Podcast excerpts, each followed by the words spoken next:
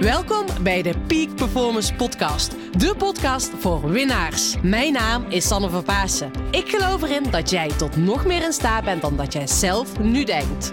In deze podcast interview ik inspirerende gasten en geef ik tips om structureel topprestaties te leveren. Hiervoor heb je een hoge energie nodig, die je met toewijding doelgericht inzet. Niet als een eendagsvlieg, maar juist keer op keer. En dat vraagt durf en lef. Wil jij met een energieboost en vol inspiratie je dag vervolgen? Blijf dan vooral verder luisteren. Come on and move your body now and feel the energy of life. Lief luisteraar, welkom dat jullie hier vandaag mooi bij ons in de box aanwezig zijn. Hoe noem je deze ruimte, Berend? Ja, dit is eh Box Coaching Headquarters, hè? De headquarters. Oh, oh, oh. ja, de grote coachruimte zit eh, en hiernaast hebben we nog een andere trainingsruimte. oh, mooi man. Ja. Hey Berend, dankjewel dat ik hier mag zijn. En lieve luisteraars, voor jullie beeldvorming. Ik zit hier in mijn sportkleding. Eh, ik had een vlug vanochtend eventjes een korte broek er in de auto gegooid. Een uh, mountainbike broekje. En ik denk, ik ga maar Berend boksen. Dat is gebeurd. Je hebt me net, nou ja, ik wil zeggen, niet alleen afgemat. Vooral niet. Juist Nee. heel veel mooie inzichten laten beleven. Wat hebben we gedaan? Ja, we hebben even een aantal eh, ja, soort basiswerkvormen gedaan. Even wat boksen, even voelen hoe dat is. Maar ook juist een hele zachte oefening en een eh loslaatoefening hebben we gedaan, hè? Ja. Ja, dat is eigenlijk, ja, het lijkt een beetje op NLP, hè? Neurolinguistisch programmeren, dat zit er een beetje in.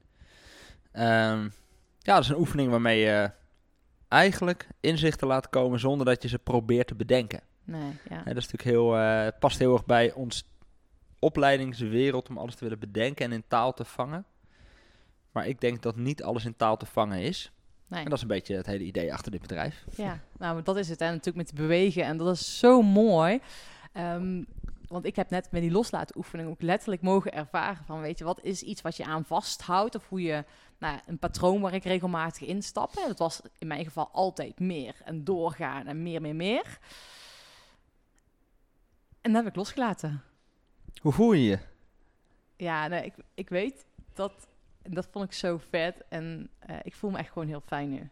Ja, en het is gewoon heel bijzonder om dat er, te ervaren. En ehm, hè, op het moment dat ik zorg van alles nou, in die ontspanning was, maar het was eigenlijk nog meer dan ontspanning. Hè. Ik vind het heel lastig om daar woorden aan te geven. En dat zei je net ook al. Je, je ervaart iets. Maar ik denk, denk beter, wat zag je bij mij gebeuren? Ja, mooi. Ja, het, het ding is natuurlijk dat je niet alles in woorden kunt, kunt vangen. Hè, de, waarom schilderen en zingen en dansen mensen? Omdat expressie meer is dan taal. Ehm, daarom is, ik zeg ook heel vaak, vechtsport is geen agressie, het is expressie.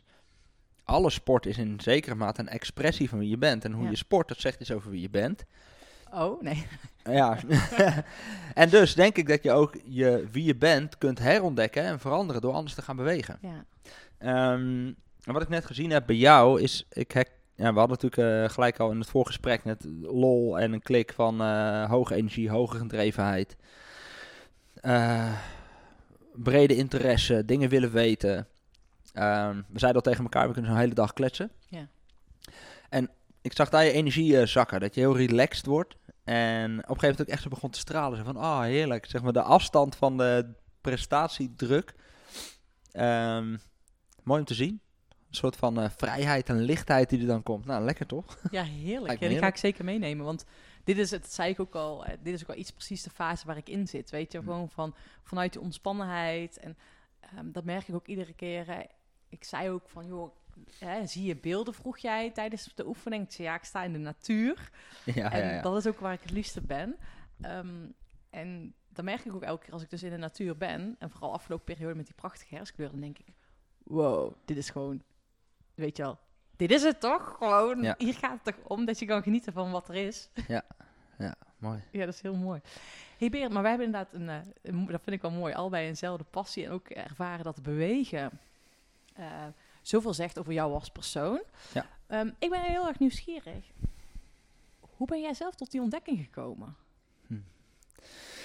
Ja, dan moet ik nu proberen een samenvatting te geven. Ehm, Nou, eh, ja, ik, ik heb altijd heel veel bewogen. Ik, heb, ehm, ik kan goed leren, maar ik vond het nooit leuk. Ik heb ge-inline skate, gebreakdance, gebasketbal, trampolinespringen, volleyballen heb ik nog een tijdje gedaan. Maar ik ben natuurlijk je niet zo ziet groot. eruit alsof je dat heel leuk vond. Ja, nou, jawel. Op zich wel. Volleybal is best een leuke sport. Alleen, ik werd gek van teamgenoten die dan... eh, als het gaat over mindset, ik kom waarschijnlijk ook nog een keer voorbij.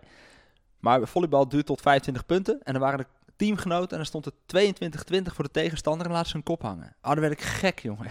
gek uit het plafond. We hebben toch niet verloren. Ga vechten, man. Eh, Ik kan daar helemaal niks mee. Met opgeven voordat het voorbij is. Dus dat is echt... eh, Ik ben er later milder in geworden, maar teamsport eh, toen was echt niet mijn ding. Ehm, voor mij is vechtsport ook iets geweest in een bepaalde periode in mijn leven. Rond 18 jaar ben ik begonnen met Krav Maga. Dus het Oh Israëlisch ja. zelfverdedigingssysteem. Eh, niet mooi, wel effectief. En ik dacht, ik wil iets doen waar je wedstrijden mee kunt vechten. Dus toen ik eh 19 was, ben ik in Zwolle gaan wonen. En toen ben ik overgestapt van eh Krav Maga naar kickboksen. Eh, dus ik ben op mijn 18e met vechtsport pas begonnen.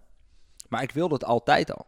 Dus het, er hangt hier... hey, hij hangt hier niet. Ik, ik heb hier een hele oude handschoen ergens. Ik weet niet wie van mijn collega's hem meegenomen heeft. Dat heb ik vandaag al vaker gehoord. Sorry? Dat heb ik vandaag al vaker Ja, ja, ja. Dat, ja, ik doe het niet meer alleen, dus dan krijg je dat. Ehm, ik heb ooit een oude bokshandschoen, oude meegenomen van de vuilstort. Want ik wou altijd al op, op boksen of karate. En mijn ouders wilden dat niet, want je bent agressief. En ik was inderdaad een behoorlijk opvliegend mannetje. Ik heb als kind zelfs in therapie gezeten voor agressieregulatie. en ehm, eh, nu doe ik dat zelf. Heb ik het heel veel gedaan met jeugd, een tijd. Ehm, ik heb hulpverlening gestudeerd. Ik heb gewerkt voor justitie en jeugdzorg plus, en van die, en van die instellingen. En ik heb vijf en een half jaar eh, z- als ZZP'er straathoekwerk gedaan. Dus deed ik boksen met die boefjes en weerbaarheid training kwetsbare jeugd. Ehm, en ik heb gewoon echt eindeloos veel uren op de mat gestaan met mensen. Omdat ik ontdekte van ja, je kunt er veel meer mee dan mensen leren sporten. Je kunt mensen leren vastpakken en loslaten en winnen en vechten en, en helpen om weer contact te maken met hun gevoelswereld. En juist mensen die heftige dingen hebben meegemaakt zijn vaak geneigd om eh, uit contact met hun eigen binnenwereld te treden. We hadden het net al even ook over PTSS. Ja. Nou, dat is natuurlijk een heel extreem voorbeeld. Eh, mensen zijn eigenlijk uit contact met hun lijf. En ehm, het is goed om te beseffen dat dat functioneel is. Ehm, maar goed, ik heb dus, dus along the way in het werken met allerlei soorten mensen gezien eh, wat de kracht is van ervaringsleren. Ik zeg altijd in normaal Nederlands, eerst doen en dan denken. Ja, en voelen, ervaren. Hè? Weet je, Ja. wat doet het? Wat voor impact heeft het met je? Ja. Ehm, want ik kan me net, besef me net ook wel dat wij hebben net even over de loslaatoefening gehad. Dat de luisteraars nu hebben, ja, wat hebben jullie dan gedaan? Ja, Ja. dat is heel Kom maar lastig. langs. om- Wat zeg je? Kom Kom langs. maar langs. Ja, maar dat is heel lastig om dat in woorden echt uit te, te leggen. Ja. Zeker. Ja, dus ehm, omdat woorden, er zijn niet overal woorden voor, eh, maar er is wel voor heel veel dingen zijn wel bewegingen. Ehm, ik, ik zeg ook altijd, het lijf liegt niet. Dus datgene wat er speelt in je leven laat je zien op de mat. Ja, gedreven mensen gaan veel te hard boksen. Eh, mensen die bang zijn voor conflicten, die gaan heel vriendelijk boksen. Ehm, in gedrag op de mat kun je heel veel lezen als je door het gedrag heen leert kijken, zeg maar. Dus ik heb het gezien met boefjes, met directeuren, met nou, alle denkbare lagen van de samenleving ehm, heb ik zeg maar voor mijn neus gehad. De afgelopen tien jaar alweer dat ik bijna zelfstandig eh, ben. Bijna tien jaar zelfstandig nu. Ehm, het is prachtig om te zien hoe verschillend mensen zijn en hoe universeel de thema's zijn die mensen bezighouden. Ja, dat is wel mooi wat je zegt. Hè? We zijn verschillend, maar de thema's zijn wel universeel. Ja, daar geloof ik wel. Ja, ik herken dat ook wel. Welke thema's zie je dan voorbij komen? Het eerste wat in me opborrelt is het bestaansrecht. Mhm. Eh, zowel zeg maar jongens op straat die een autodeur openzetten en heel hard muziek aanzetten, doen eigenlijk niet heel veel anders dan een ondernemer die een Rolex koopt. Ja, dus dus je, je positie verwerven en, en laten zien dat je ertoe doet. Ja. Bestaansrecht is iets wat je eh, zowel op straat als in de boardroom tegenkomt. Ja. En we noemden het net al even iets wat ik veel tegenkom impliciet is eh, ouderschap. Dus mensen die iets van hun ouders gemist hebben en dat compenseren met uitzonderlijke prestaties of heel hard schreeuwen. Ja. Of, ehm, Dat, dat, ja, dat resoneert door, zeg maar. Dus je systeem, nou, het systeem van herkomst is zichtbaar in hoe je acteert in groepen. Ja, dat soort dingen zie je als mensen gaan bewegen. Ja. ja, dat is bijzonder hè, dat je dat zomaar eh, ziet. En een stukje, want ehm, ben ik dan wel nieuwsgierig naar. Want je hebt een heel mooi, nou, ja, weet je, moet je zien naar waar we nu zitten. Je hebt gewoon echt, eh, hoeveel coaches heb je ondertussen opgeleid? Nou, in onze Academy dagen hebben we nu, eh, inclusief eh, morgen, volgens mij 240 mensen die bij onze cursusdagen hebben gevolgd. Zo, die Even uit mijn hoofd. En ehm, ja, dat. En, ik heb hier, Team Zwolle hadden we vrijdag vergadering mee. We zijn met zeven mensen. En we zitten nu met 13 mensen op acht plekken in Nederland. En het duurt niet lang meer. Ik denk dat we voor het eind van het jaar op 10 plekken zitten. Cool man. Heel tof. Hé, maar dat is wel echt iets om trots op te zijn. Ja. Wanneer heb je het voor het laatst gevierd? Eh, nou, ik ben laatst een weekend weg geweest met, eh met Annemarie, met mijn vrouw. Ja. Ehm, en ik merk, eh, dat is een mooie vraag, want mijn successen vieren, dat is echt voor mij zo'n ding wat ik niet zo snel doe. Nee. Ehm, ik had vorig jaar had ik als kerstpakket voor Team Zwolle een eh, massagebon. En ik kwam thuis en Annemarie keek mij alleen maar aan. Eh, waar is die bij jou? Precies. En echt, ik had hem dus inderdaad niet voor mezelf gekocht, maar wel voor iedereen. Ehm, en dat is iets wat ik steeds meer leer om ook gewoon eh, ook lief te zijn voor jezelf. En dat het gewoon oké is. Ja. Ehm, en en nou hadden we het net al even over. Het is ook iets wat me heel veel gebracht heeft. Dat is een beetje pijn lijden en even doorbijten. Ja. Maar als je niet oppast, dan ben je een heel leven lang een beetje aan het doorbijten en even pijn aan het lijden. En gun je jezelf nooit een keer... Nou ja, ik ben laatst een keer in het bos geweest. Heb ik een uur door het bos gewandeld. Dat zijn voor mezelf echt cadeautjes. Dat doe ik Ja. niet zo gauw. Maar als ik het doe, vind ik het zo lekker. Ja. En ik heb een tijd ook... ehm, ik geloof ook echt, elke coach heeft een coach nodig. Zeker als je bedrijf zo hard ontwikkelt, dan moet je zelf hard meegroeien. Ja. Ehm, en die zei tegen mij, je moet elke week twee uur alleen in het bos zijn. Ik denk, die is gek joh. Ja. Ik werk al zo hard, moet ik die tijd vandaan halen? Dat had ik nog niet eens kinderen. dus ehm, ja, dus mezelf tijd geven om niks te doen, Ja. zodat er spontaniteit kan ontstaan, dat is voor mij echt de vieren van mijn succes. Ja, mooi Ja. man. Ja. Onze thema's lijken wel een beetje op elkaar, hè? Ja, ja, ja. Die matchen vrij makkelijk, ja. maar Berend, waar, eh, wanneer is het bij jou ontstaan dat je dacht van, hè, je hebt SPH gedaan, Ja. Ehm, hè, je begeleidt die jongeren, eh, of die boefjes die je net een beetje al zei. Ja. Wanneer was er voor jou zoiets van, oké, maar ik wil dit veel breder, groter uitrollen? Was het iets wat je bij jezelf tegenkwam, dat je dacht van, oké, dit heeft zo'n mega impact, of juist wat je bij andere mensen zag gebeuren? Nou, het begon mee dat ik zelf, nou, laten we het even de veranderkracht van, van vechtsport heb ervaren. Dus ik had iets om me aan op te trekken. Mhm. Eh, en ik had een levensstijl toen met eh, veel drank en eh, domme dingen. En ehm, voor mij was vechtsport destijds het kantelpunt naar gezonde keuzes maken op mijn eigen gezondheid. Ehm, zowel fysiek als mentaal en eh, dat hele plaatje. Ik heb het eerst zelf ervaren, maar ik heb dus ook van heel dichtbij gezien hoe jongens die best wel oké zijn eh, en echt niet beter werden van vechtsport. Dus ik zag van nee, het is een heel krachtig middel. Je kunt er veel mee opbouwen, je kunt er veel mee afbreken. En juist omdat het zo diep gaat over vechten en over, over woede en over verdriet. En ehm, als je heel veel vechtsporttrainers hebben geen idee hoe groot hun impact is op de samenleving. Ik las ooit ergens in een boek dat, dat eigenlijk als sporttrainer heb je per definitie een pedagogische verstandhouding met je leerlingen. Want je bent een rolmodel. ehm, ja, en ik had kickbox trainers, eh, allerlei verschillende soorten gehad. En veel van hen waren eigenlijk helemaal geen positieve rolmodel. En daarmee, eh, het waren stoere, harde mannen. Oh ja. Ehm, en ik kom uit een intellectuele achtergrond. En ik miste dat stoere harde een beetje. Dat vond ik tof. Eh, dus ik ben ook een beetje midden tussen een intellectueel en een straatschoffie. En ik vind het allebei tof. Maar thuis miste ik dat. En dat is wat ik heel fijn vond aan die kickboxwereld. Dat het gewoon hard en lomp en ruw en mannelijk mocht zijn, Ja, zeg ja, maar. Ja. Maar eh, ik had zelf die andere tegenhanger al. Die had ik al meegekregen vanuit mijn jeugd en mijn opvoeding. Dus er zijn natuurlijk veel... ehm, ik heb gewoon gezien, vechtsport is een heel krachtig middel. Je kunt er veel mee bereiken. Maar je moet wel weten wat je doet. Ja. En als je daar niet bewust van bent, als je het niet ziet, kun je het niet veranderen. Ja. En als je niet ziet wat je, hoe groot jouw invloed is als voorbeeldfiguur naar jonge gasten van de straat met een bondkraagjes, ja, dan laat je eigenlijk heel veel liggen. En zo is het ooit begonnen. En ehm, toen dacht ik, ik wil hier gewoon heel goed in worden. Dus ik heb gewoon echt.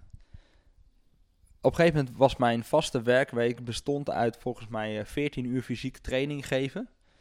Plus 12 uur zelf trainen.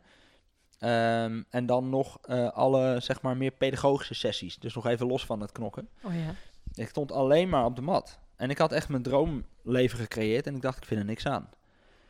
Ai. Ja, dus ik dacht, oh, nou heb ik al bereikt wat ik altijd hoopte te bereiken. En nu heb ik het en dan vind ik het helemaal niet leuk. En het had ermee te maken dat eh, alle mensen hebben veranderpotentieel. Ja. Ik- eh, ontwikkelpotentieel is groeien. Ehm dat gaat over willen keer kunnen. Ja. Dus als willen mensen een keer kunnen. Dat is een ja, goede onthouden. willen keer kunnen. Ja. Ja. De- dus als mensen heel graag willen, maar niet zo heel veel kunnen, komen ze heel ver. Eh, maar als mensen gewoon eigenlijk een beetje lui VWO'ers zijn, dan komen ze er ook wel. Ja. Weet je, als je gewoon intelligent bent, dan is het leven gewoon een stuk makkelijker. Ja. En zeer waarschijnlijk heb je dan hoogopgeleide ouders. Ja. Ja, dus dan, dan is het leven zoveel makkelijker. En als mensen... Ik heb veel gewerkt met mensen die eigenlijk niet zoveel willen, maar ook niet zo heel veel kunnen. En dan ben je dus heel veel energie en, en tijd en liefde aan het stoppen in mensen die helemaal niet vooruit te branden zijn. Enkeling van die gasten waren toppers. Eh, morgen zit voor het eerst een van mijn eigen boefjes van de straat zit in, in, in onze academy. Oh, Echt serieus? super vet. Ja. Oh, heel vet. Wat een transitie. Ja, ja, daar ga ik morgen wel even aandacht aan besteden. Ik ga hem even laten blozen voor die groep. Ja. ja, ja, ja. Weet hij nog niet. ja. Ehm, Wauw. Maar toen dacht ik, hey, ik wil graag. Ik heb toen een coachopleiding een keer gedaan in Utrecht. En ik dacht, ik wil werken met mensen die iets willen en iets kunnen. Ja. En toen kwam ook juist de hoogopgeleide mensen die heel erg in hun hoofd zitten. Ehm, mensen die willen groeien van goed naar geweldig. En niet alleen maar mensen die een probleem hebben dat ze willen oplossen, Ja. maar een verlangen hebben dat ze willen invullen. Ja. Dat is wel een heel groot verschil. En eh, toch voel ik ook weer de drang om ook wel weer iets te doen voor die schoffies, zeg maar even eh, zo Nee, gezegd. ja. Ja, schoffies is geen mooi woord. Risicojeugd vind ik een mooie benadering, Ja. want het is jeugd die een risico loopt. Ja. Want zodra je het hebt over probleemjongeren, Ja. zijn zij het probleem. Nee, maar dat zijn ze. Weet je, ze hebben waarschijnlijk eh, ergens iets gemist. Of eh, weet je wel, eh, vaak is hun milieu of hun omgeving ook niet, die, niet de juiste. Of ze hebben een verkeerde basis gekregen. Dus het is super, eigenlijk wel heel mooi. Wat ga je daarmee doen? We gaan weer meedoen in jeugdwet als een aanbieder voor als zorgaanbieder in de jeugdwet. Eh, met het verschil dat ik nu een team heb hier en het niet meer niet of nauwelijks meer zelf ga uitvoeren. Maar mensen gaan opleiden, eh, gaan begeleiden in het proces van hoe kun je nou met vechtsport ehm, jongeren die niet lekker in hun vel zitten, zich moeilijk kunnen uiten. En dat is heel vaak een, een onderliggend of een daarmee samengaand probleem, is dat ze zich moeilijk kunnen uiten.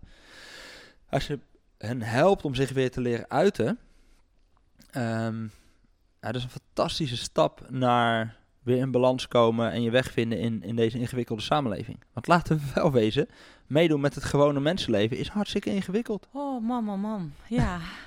ja, en, en, en meedoen met de normale mensenwereld. Maar ook het stukje ehm, het bij jezelf blijven en het op jouw manier blijven doen. En de, nou ja, we hadden dat straks al even, voordat we de mat op gingen, hadden we het ook al even over. Van, nou, als ik voor mezelf spreek, of vanuit je studie en voor mij, vanuit zowel mijn studie als mijn topsportachtergrond, je wordt getraind om vanuit je hoofd te denken. En dan als je gevoel dan ook nog ergens op komt spelen en je niet, ehm, nou ja, weet je, dat dat niet normaal wordt gevonden, of althans bij mij, van eh, niet lullen maar poetsen en eh joh, je de was moet je niet buiten hangen. Ehm, Dan is dat een heel erge strijd in combinatie met mee willen doen in de normale grote mensenwereld. Ja, ik denk inderdaad dat onze opleidingswereld bestaat heel veel uit eh, cognitie. Weinig intuïtie, veel cognitie. Eh, ik denk dat er nu wel een grote transitie gaande is. Ehm, je ziet yoga, mindfulness. eh, er is meer aandacht voor de leeftijd als totaalpakket. En niet alleen maar voor, ik heb hoofdpijn, ik neem een paracetamol. Maar goh, zou ik een hoofdpijn komen? Misschien moet ik een raampje openzetten en een keer naar buiten gaan. Eh, leef, leefstijl en vitaliteit krijgen meer aandacht. Maar dus ook in zijn eh, meer vanuit holistisch perspectief. Hè? Dus de mens is meer dan alleen maar een losse onderdelen die je als losse onderdelen kunt behandelen. Ehm, dat alles met elkaar samenhangt. En ik denk zelfs dat hoe wij met de planeet omgaan uiteindelijk een invloed heeft op hoe wij individueel in ons vel zitten. Ja, ik, ik vind het wel heel mooi, want dat is ook wel ja, hoe we met de planeet omgaan. Maar dat is echt dan veel breder. Hè? Dan heb je het eigenlijk letterlijk over de energie laten stromen in heel je leven. Op Ja. alle fronten van je leven. Ja. Oh, daar ben ik wel nieuwsgierig naar. Want hoe je, heb jij nog zelf dingen bewust die jij doet om goed met de planeet om te gaan? Of Ja. eh, die daarmee te maken hebben om die energie bij jou zelf te laten stromen? Mooi. Ehm, ja, dat, ik, iets simpels is, ik probeer gewoon zoveel mogelijk op de fiets hier naartoe te gaan. Hè. Dat Ja. is, eh, weet ik veel, 22 minuten fietsen. Als ik me kwaad maak, 18.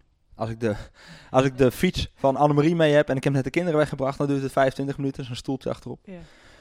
Ehm, we eten weinig vlees. Dat komt een beetje door mijn zusje. En die heeft eigenlijk de, de Tesla-methode toegepast op eten. En die namelijk eh, gewoon heel erg lekkere vegetarische recepten aanreiken.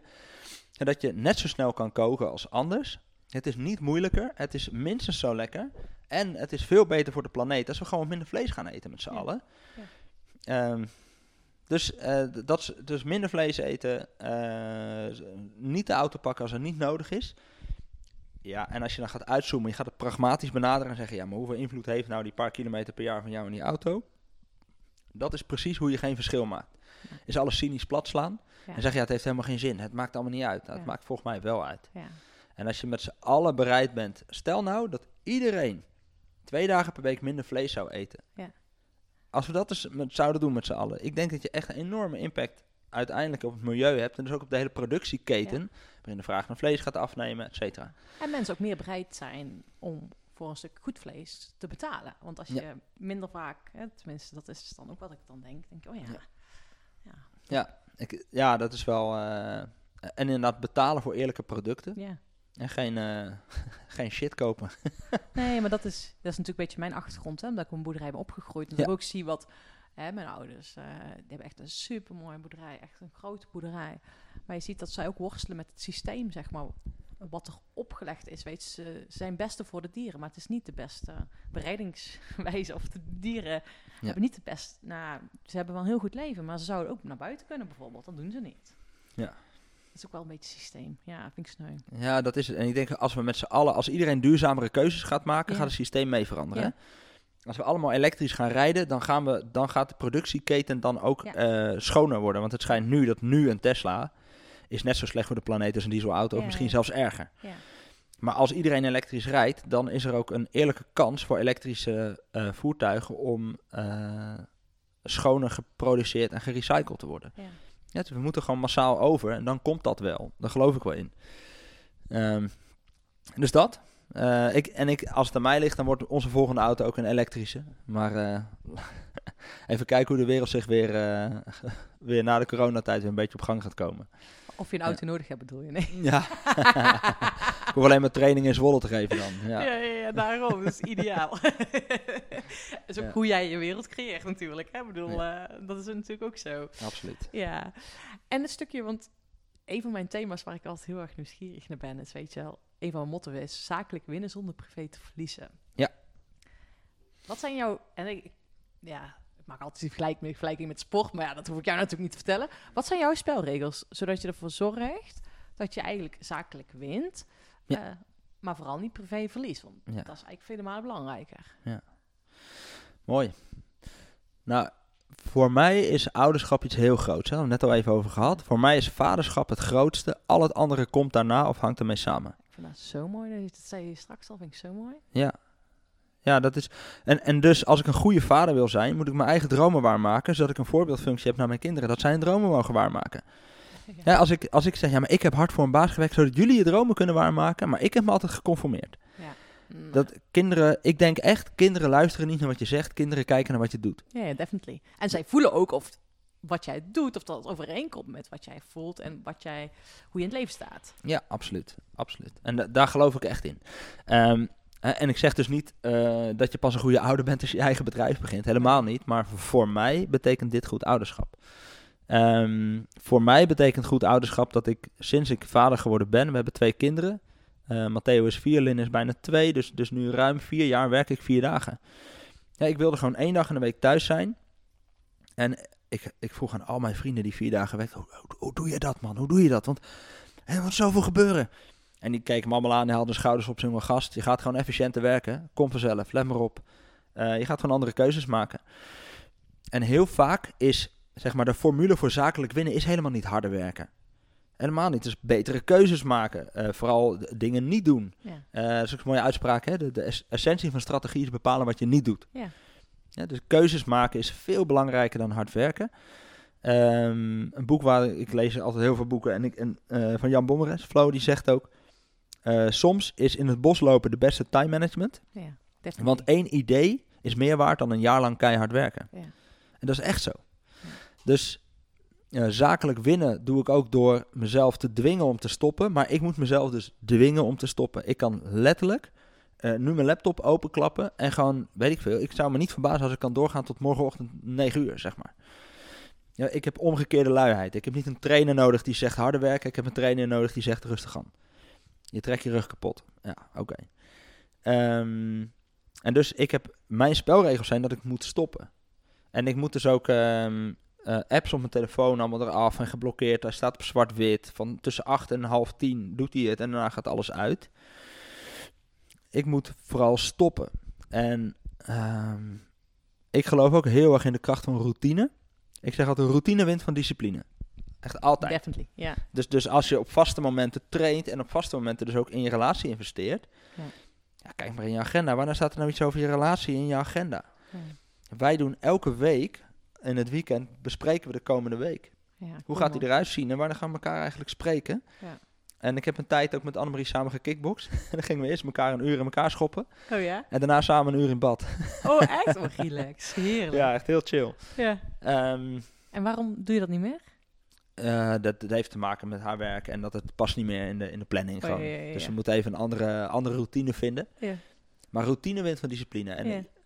ehm, en je moet ook denk ik bewust af en toe niks doen. Mhm. Ehm, wij gaan af en toe om negen uur in bed zitten met een boek, gaan we lezen. Lekker man. Laat de hele wereld ja. het lekker uitzoeken. Ja. Eh, dat. Ik heb geen tv. Al, Oh, al tien jaar niet meer. Ik kijk één film op zondagavond op Netflix. En soms op vrijdag ook als ik in een dolle bui ben. Ja. En voor de rest eh, geen televisie. Weg Ja. met het ding. Want eh, je mist helemaal niks. Nee, kappen. Ja. Ja, dus dat is al heel lang zo. En ehm, mensen vragen dan soms ook een beetje licht angstig. Ja, maar wat doe je dan in je vrije tijd? Ik zeg, ja, zinvolle dingen. Trainen, boeken lezen, lol maken, mijn vrienden opzoeken. Ja. En eh, vroeger eh kon je nog wel naar de, naar de kroeg. ja, in mijn tijd. Ja. In jouw tijd, ja. Ja, ja. Ja, jongens, als we deze podcast eh, in 2030 horen, in onze tijd konden we nog naar de kroeg. Nee, Hopelijk zijn de tijden snel omgedraaid. Ja, ik denk Ehm, het wel. Ja, daar gaan we ook vanuit. Maar dat is wel mooi, man, dat je dat zegt. Dat je gewoon echt vooral hè, bezig bent met zingeving, dingen waar jij voldoening van krijgt. Want daar draait het in principe om.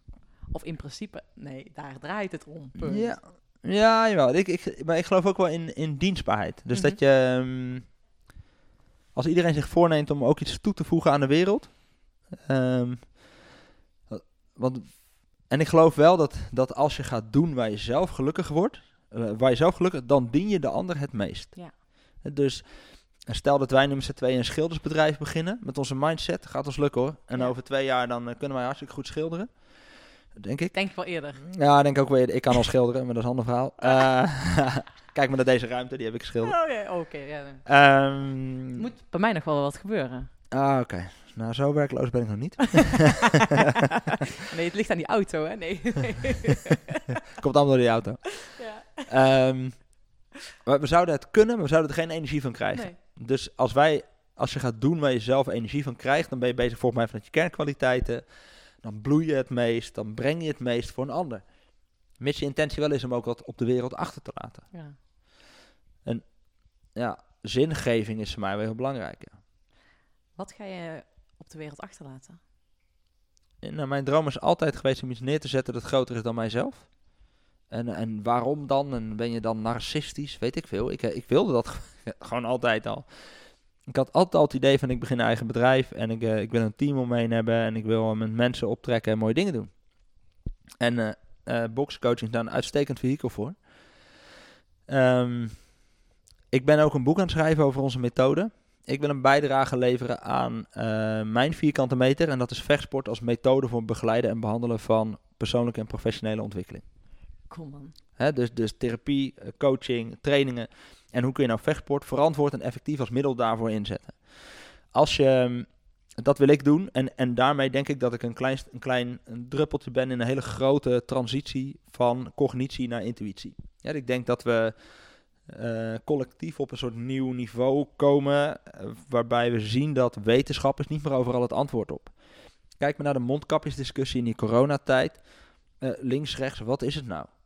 Dus er is best wel een wisselende ehm, eh, statement zijn daarover of dat nou wel of niet klopt. Dus wetenschap is zijn, volgens mij zijn absolute macht een beetje kwijt. Eh, en er is, wetenschap heeft niet alle antwoorden. Wetenschap heeft geen antwoorden op zingevingsvragen. Het heeft alleen een verklaring of een achteraf of een analyse, maar het kan je niet eh, op een dieper niveau iets vertellen over mensen zijn. Daar hebben we andere dingen voor nodig. En ik denk dat we, eh, dat wat ik wil achterlaten op de wereld is dat ik gewoon op mijn vierkante meter mijn dingetje heel goed doe. Mooi. Ja.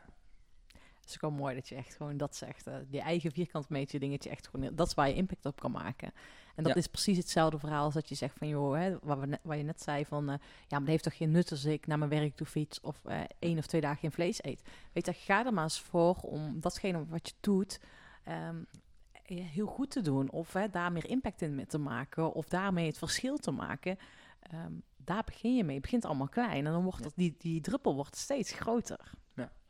Ja, dat. Dus, en dat- dus er zijn denk ik twee eh, mogelijkheden. Dus of inderdaad, het wordt groter. Ja. Hè? En het andere is dat je eh, gewoon eh, op een verjaardag bent en iemand eh, zegt, nou, wat hebben jullie gegeten? En zegt, nou, oh, eet je geen vlees? Nee, eigenlijk niet. Waarom niet? Nou, beter voor de planeet, eerlijker voor de dieren, Ja. eerlijker voor de boeren. Laten we nou met z'n allen Ja. kijken naar hè, dat.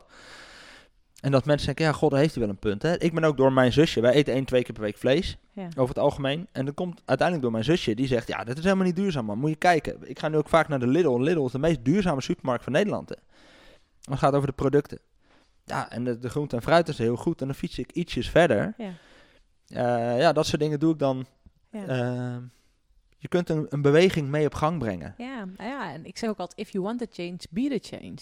Ja. En je kan heel veel gaan klagen, maar het is, hè, met welk kleine ding ga jij het verschil maken? Ja. Ehm, en daarmee begint eigenlijk met alles. Ja. En Weet je wat ik net trouwens ook wel heel mooi vond? Hè? Dat jij zei van, weet je, jouw eh, bijdrage, dat je die transitie eh, aan, daaraan bijdraagt van cognitie naar intuïtie. Ja. Dat vind ik wel een hele mooie, want hè, dat zit Ook tegen een zinnetje waar ik wel over nagedacht heb hoor. Oh, die heb je al vaker gebruikt, hè? ja. Eén keer. Eén keer. Oh, oké, maar wel over na hebt gedacht. Ja. Ja, ja. Waarom is dat voor jou zo belangrijk? Eh, Om, om daar een bijdrage aan te doen. Ja, en, en waarom is het ook belangrijk dat je niet alleen in die cognitie Hmm. zit, maar ook handelt vanuit je intuïtie? Ja, mooi.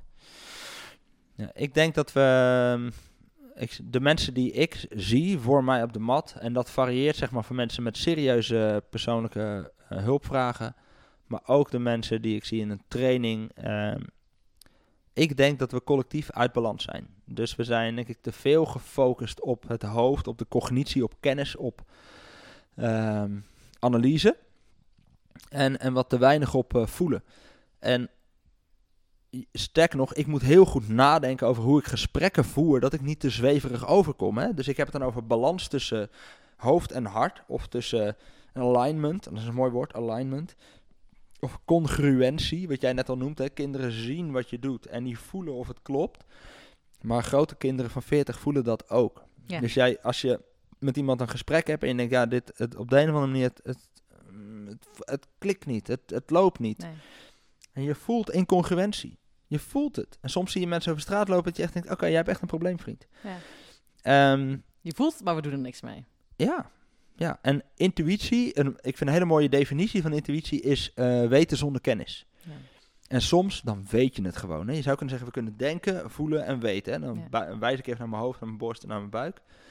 Eh, er wordt ook wel gesteld dat we een tweede brein hebben. Onze, onze guts, onze darmen. Eh, dit, wat je een onderbuikgevoel hebben. Dat dat dus een heel letterlijk... daar is de wetenschap volgens mij niet zo heel ver in. Althans, mijn kennis ervan nog niet. Hm.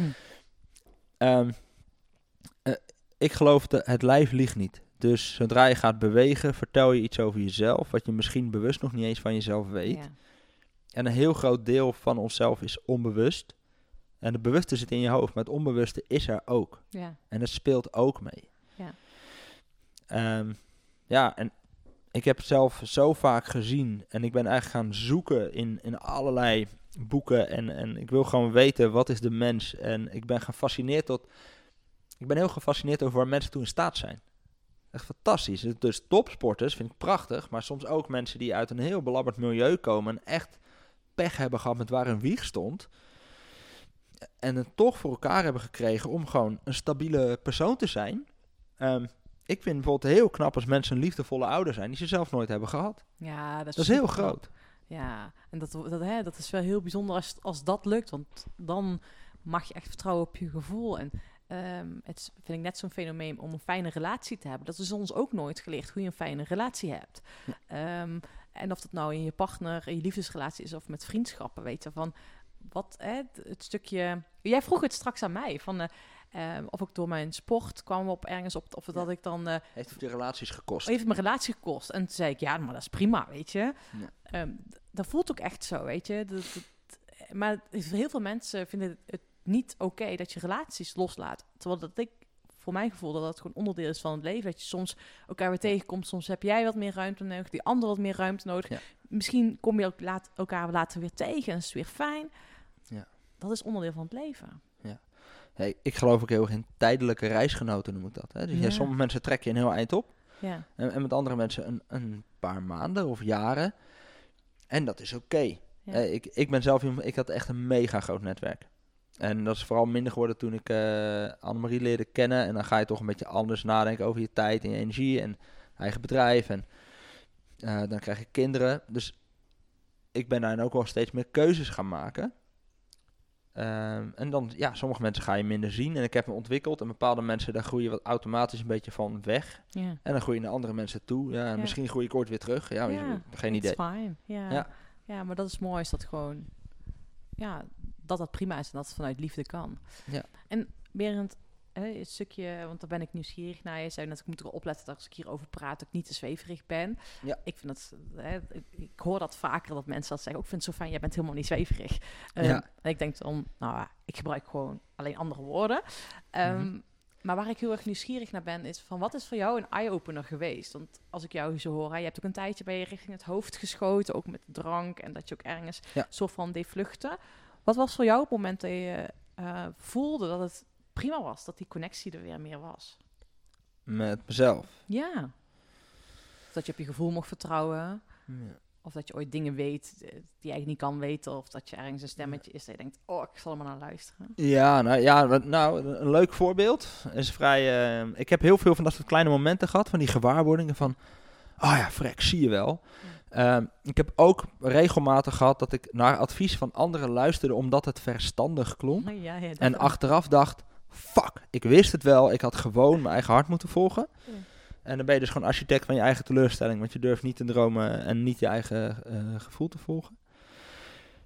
Ehm, ik heb een tijdje geleden had ik een, een telefonisch coachtraject met iemand, want dat was in de eerste golf van corona en het lag helemaal plat en er, en er mocht niet zoveel.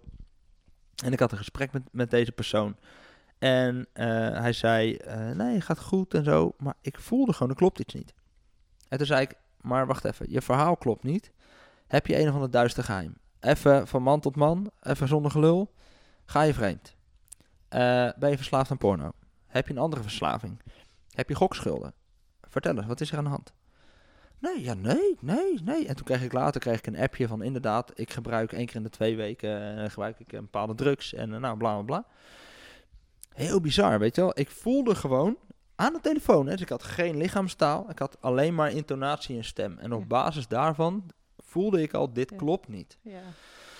Ehm, maar ook toen ik Annemarie zag, het, heel eerlijk, ik voor, toen ik haar voor het eerst zag, dacht ik niet, wauw, wat is zij knap. Denk ik nu wel als ik haar elke dag zie. Dus ik denk ook nu, wat heb ik toen niet gezien, weet je wel. Hoe Wat- blind wat- was jij? Ja, wat, eh, wat, wat, wat, wat was er mis met je? Ehm, maar ik weet ik veel. We hadden allebei zitten. We zeiden ook, maar hoe kan ik nou zo op jou vertrouwen? Want we kennen elkaar nog helemaal niet zo goed, weet je wel? Maar eh, ja, met anderhalf jaar ben ik met getrouwd. Ik denk, eh deed ik eh, aan de ketting ermee. die, mag, die mag nooit meer weg. Ja, dan kun je eigenlijk ook niet cognitief uitleggen. Nee, maar dat heb ik ook met mijn relatie, weet je. Dat is, Ja. Ik ook die jongen... Ik heb die gezien en dan denk ik... wow, weet je, dat vind ik gewoon zo bijzonder dat dat gewoon zo'n ander gevoel is. Ja. Ja, Ehm, grappig hè? Ja, dat je dat gewoon... En ik heb ook wel ooit echt vragen stellen aan mensen. Dat ik denk, eh, Sanne, ga je niet veel te ver over die vraag? Waarom stel je die vraag? Kan echt niet. Dat ik denk, ja, Ja. maar die komt zo... Die Ja, zo soms borrelt het op inderdaad. Ja. En dat, dat merk ik ook in, in training of in coaching. Dat ik tegen iemand kan zeggen, voor, eh, jongens, wie zijn jullie bekend met HSP? Ja, oké, jij, jij en jij. Zit Sander met zulke ogen, er wat? Ja, Ja, ga er even in inlezen, zeg maar. ja.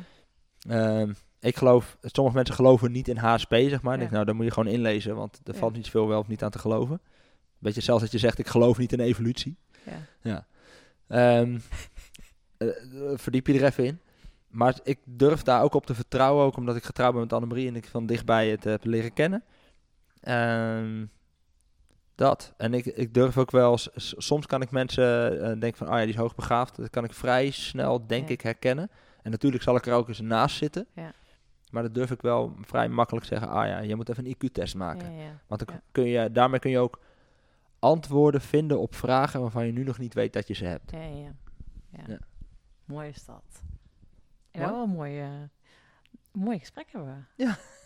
Hoe lang, blijf, hoe lang- blijf je eigenlijk nog? Ja, nee, we, we zeiden het straks toch al. We kunnen een hele dag eh, gingen wij Ja, eh, gaat ons lukken. 24 uur met Berend en Sanne.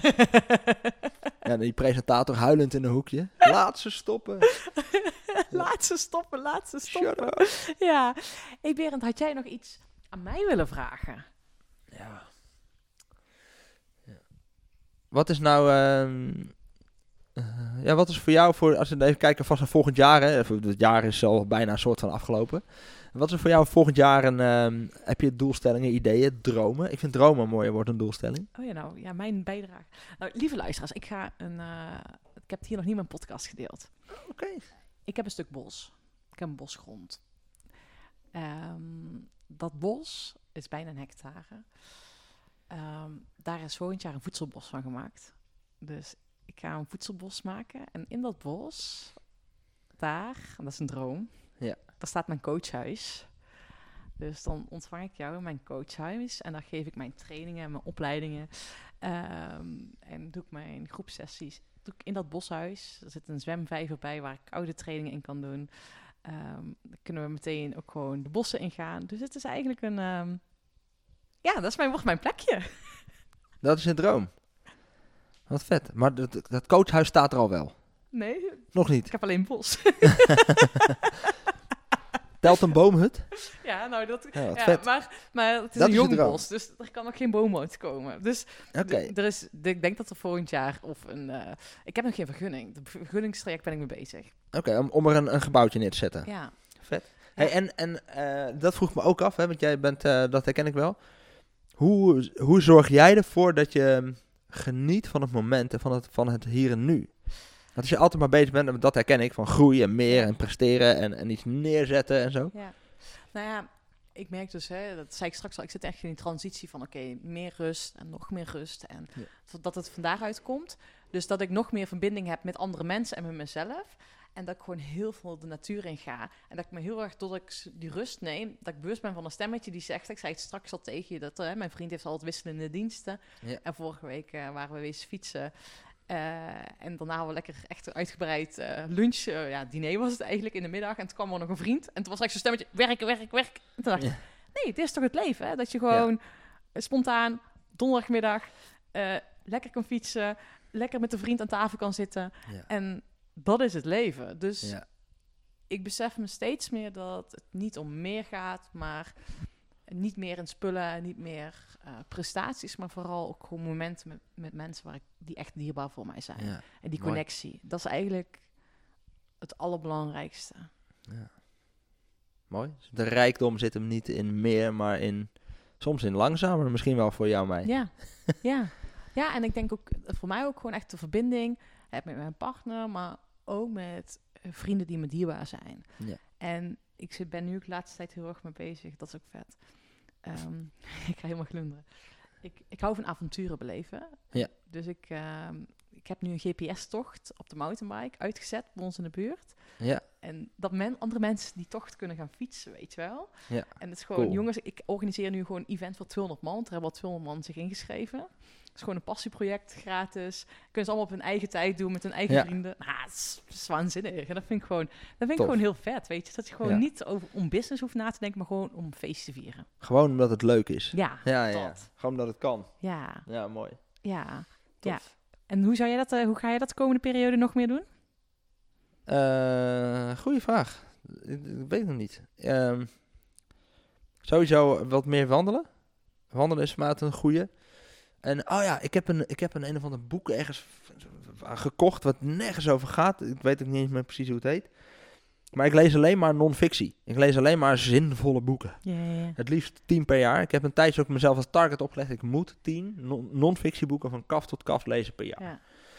Ja. En dat heb ik eh, drie jaar op rij denk ik gedaan. En nu eh, heb ik dat een beetje losgelaten. Dus ik ga juist een keer stoppen met rammen en presteren. En iets meer vanuit overgave leven. In het vet. vertrouwen dat er voor je gezorgd wordt. Ja, oh ja.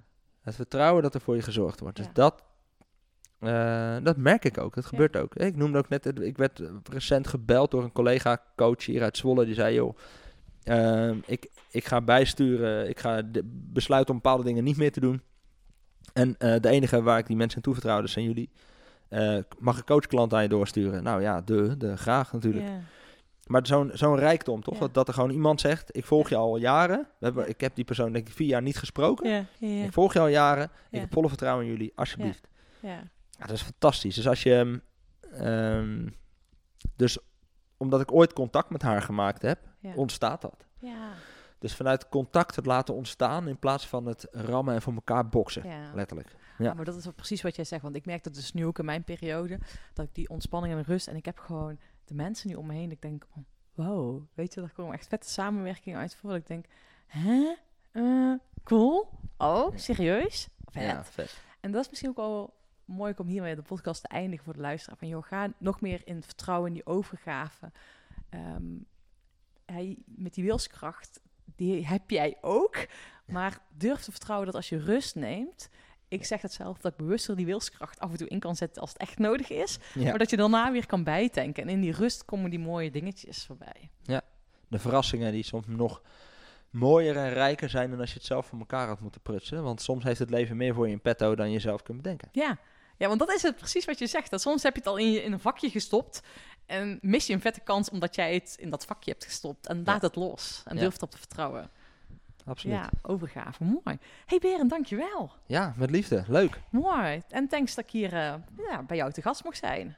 Hartstikke welkom. We Ja. komen gerust nog eens terug. Nou, gaan we zeker doen. Eh lief luisteraar, dankjewel voor het luisteren. En weet je wat ik eigenlijk altijd zeg? Hè? Ehm, alleen aan luisteren heb je niet genoeg. Berend zei het net al, alleen die boeken lezen, daar kom je er niet mee. Het gaat erom dat je er iets mee gaat doen. Zet het in beweging. Of misschien wel na aanleiding van vandaag. Misschien dat je er niks mee gaat doen, dat je rust neemt. Dat je lekker even gaat wandelen, podcast uitzet en geniet van het uitzicht of wat dan ook. Maar in ieder geval, doe iets met informatie. Dankjewel Graag gedaan. en tot de volgende keer. Tot de volgende keer. Bedankt voor het luisteren van deze podcastaflevering. Ik vind het zo gaaf dat je tot het einde bent gebleven. Nou, daar wil ik je natuurlijk ook voor bedanken. Ik wil nog twee dingetjes meegeven. Ga naar mijn website toe. Daar heb ik een toffe weggever staan waarbij ik je help vol energie je doelen te realiseren. Moeiteloos, recht op de finish af en ik help je zakelijk winnen zonder privé te verliezen. Nou, ik zou zeggen, ga eventjes eh, naar mijn website en daar vind je deze gratis download. En ik help je dus echt mee om recht op de finish af te gaan. En daarnaast wil ik je vragen, want het is mijn missie om nog meer mensen, om duizenden mensen te inspireren met deze podcastshow. Dus maak even een screenshot, deel het op social media, tag mij. Ja, en ik vind het dan ook weer leuk om jouw verhalen weer te delen. Dus deel mijn inzicht, of jouw inzichten van deze podcast en dan zie ik deze ook weer voorbij komen. Dankjewel, een hele fijne middag, avond of ochtend toegewenst. En vergeet één ding niet, kom in actie, want daarmee ga je het verschil maken. Doei doei! Come on